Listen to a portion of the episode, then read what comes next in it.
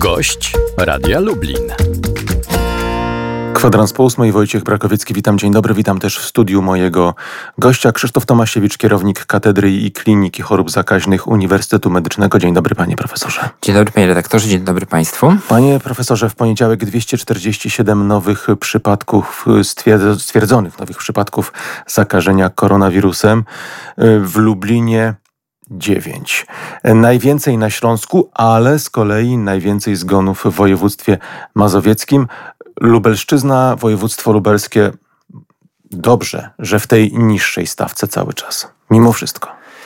No tak, jeżeli spojrzymy sobie na ogólną liczbę zgonów, to, to, to cały czas widzimy mniej więcej podobne wartości. Jak Państwo zauważacie, jest to między 300, 200, 400, prawda? No, to, no poruszamy się w pewnych takich przedziale.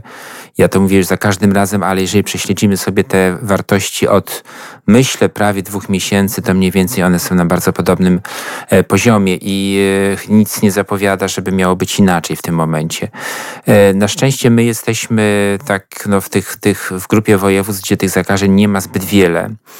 E, nie ukrywam, że te zakażenia w tej chwili pojawiają się również u pracowników sezonowych, którzy e, przyjeżdżają do Polski i e, tutaj na pewno też konieczny jest pewien nadzór nad tym i trzymanie ręki na pulsie, żeby nam się to wszystko gdzieś tam nie rozsiało.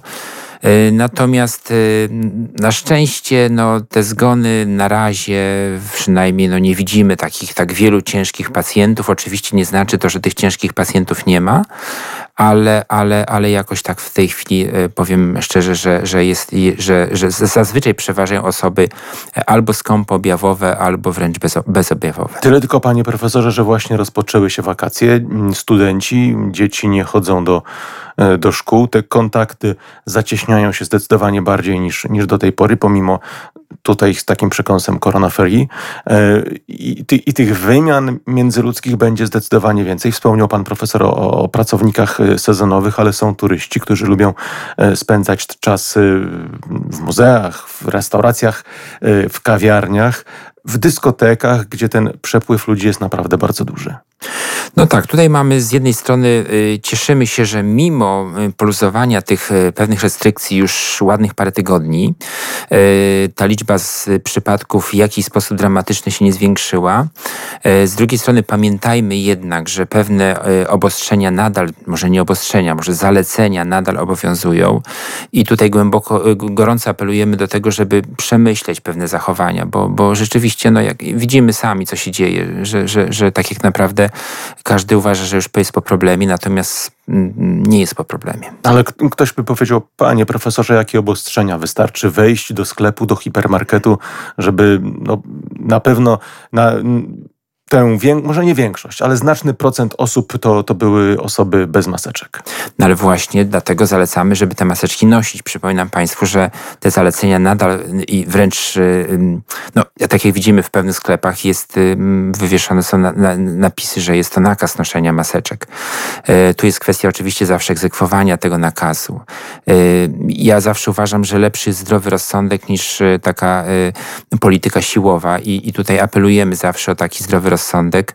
E, oczywiście na tym etapie noszenie masek na zewnątrz, na świeżym powietrzu nie ma sensu, ale w pomieszczeniach, zwłaszcza pomieszczeniach ciasnych, tam gdzie jest wiele osób, no warto jednak te maseczki nosić, e, warto się chronić, warto również unikać e, skupisk ludzkich to jednak wciąż obowiązuje. Także, także no tutaj no, no nie możemy nic więcej zrobić, jak po prostu apelować o to, żeby, żeby pamiętać o tym, że ta, to zagrożenie nadal istnieje. No ale jak unikać tych skupisk ludzkich, panie profesorze, w dobie e, trwającej kampanii wyborczej, jednej zakończonej, drugiej właśnie się rozpoczynającej i bez polityki, ale jak uciec od tych skupisk ludzkich? No uciec się pewnie nie da, natomiast oczywiście nie będziemy tutaj wchodzić w politykę. No, te obrazy, które widzimy w telewizji z tych spotkań, yy, No chyba tak być nie powinno, no bo tutaj rzeczywiście ten kontakt jest bardzo bliski i, i tutaj na palcach e, chyba jednej ręki można policzyć osoby, które ewentualnie te maski noszą. Także, także no miejmy nadzieję, że to nie będzie e, skutkowało żadnymi, e, żadnym gwałtownym wzrostem zakażeń.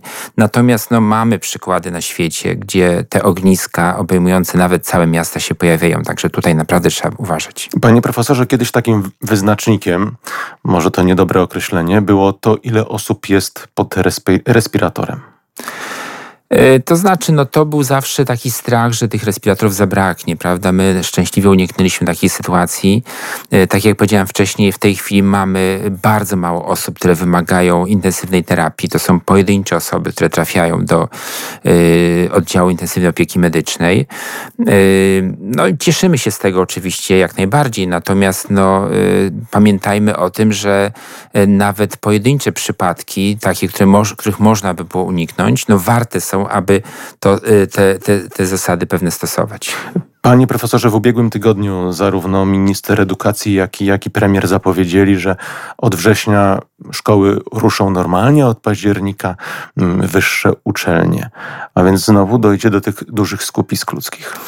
No tak, ale gdzie, jeżeli... gdzie te zachowania, mm, zachowania pewne mm, określone norm, ile osób w jakim pomieszczeniu, no, wydają się jednak trudne do, do, do, do spełnienia. Y, jeżeli z jednej strony y, nie robimy sobie nic z przebywania w, nie wiem, w pubach, w restauracjach, w ciasnych pomieszczeniach, na wiecach wyborczych chociażby, no to z drugiej strony dlaczego mamy nie próbować e, wrócić do w miarę normalnej edukacji? Ja mówię w miarę normalnej, bo myślę, że pewne jednak zasady będą obowiązywały.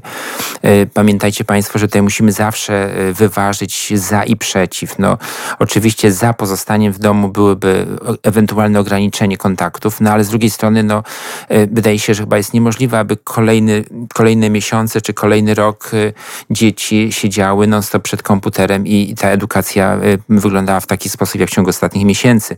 To oczywiście zdalne nauczanie ma oczywiście swoje plusy, no, ale ma bardzo dużo minusów, a zwłaszcza wydaje się, że im młodsze dzieci, tym gorzej, no bo brak jest tych kontaktów socjalnych, społecznych, prawda? No, no zresztą no, zawsze apelowaliśmy o to, aby przed komputerem nie spędzać zbyt wiele czasu, a tutaj nagle nakazujemy. Panie profesorze, y, od początku, kiedy zaczynaliśmy się spotykać, y, od początku, kiedy zaczęła się epidemia i pandemia koronawirusa, ten wątek pojawiał się w naszej y, rozmowie, więc muszę go i, te, i teraz poruszyć. Jaka przyszłość przed epidemią, jaka przyszłość przed znalezieniem, no nie chcę powiedzieć antidotum, ale, ale, ale szczepionki, lekarstwa skutecznego w 100% na koronawirusa? No, przyszłość jak zwykle jest nieprzewidywalna, natomiast tutaj jesteśmy bombardowani newsami takimi y, od hura optymistycznych, że jeszcze w tym roku szczepionka do y, takich jak ostatnio usłyszeliśmy z, y, ze strony Światowej Organizacji Zdrowia, że być może się w ogóle nie uda stworzyć takiej szczepionki. No, myślę, że to jest już taki skrajny pesymizm i taka szczepionka powstanie. E, wszystko to będzie zależało od tego, jakie będą wyniki badań klinicznych, e, jakie będą efekty stosowania tej szczepionki na zdrowych ochotnikach. To zależy również od wielu wielu badań takich naukowych stricte nad odpornością po przechorowaniu, nad przeciwciałami. E, także no, zdecydowanie szczepionka jest w pewnym sensie, możemy użyć słowa antidotum, dlatego że ona byłaby w stanie uchronić przed zakażeniami duże części e, społeczeństw.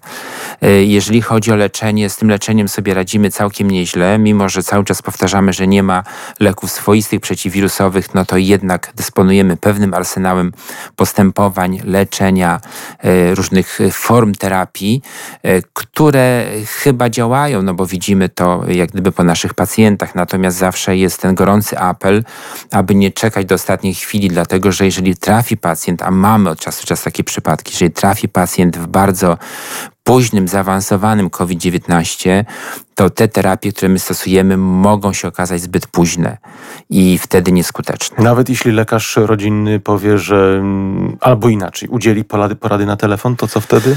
No tak, no tu dotykamy kolejnego nieszczęścia, mianowicie no, zamrożenia działania opieki medycznej. Y, myślę, że to y, naprawdę jest poważna sprawa, dlatego że y, udzielanie porad przez telefon ma sens czasami, no ale to nie może być jedyna forma udzielania porad, dlatego że no, nie wszystko się da zrobić przez telefon. I tutaj gorący apel o to, aby, aby no, jednak starać się w miarę normalnie tych pacjentów traktować. Apelował profesor Krzysztof Tomasiewicz, kierownik Katedry i Kliniki Chorób Zakaźnych Uniwersytetu Medycznego. Bardzo panu dziękuję. Dziękuję serdecznie.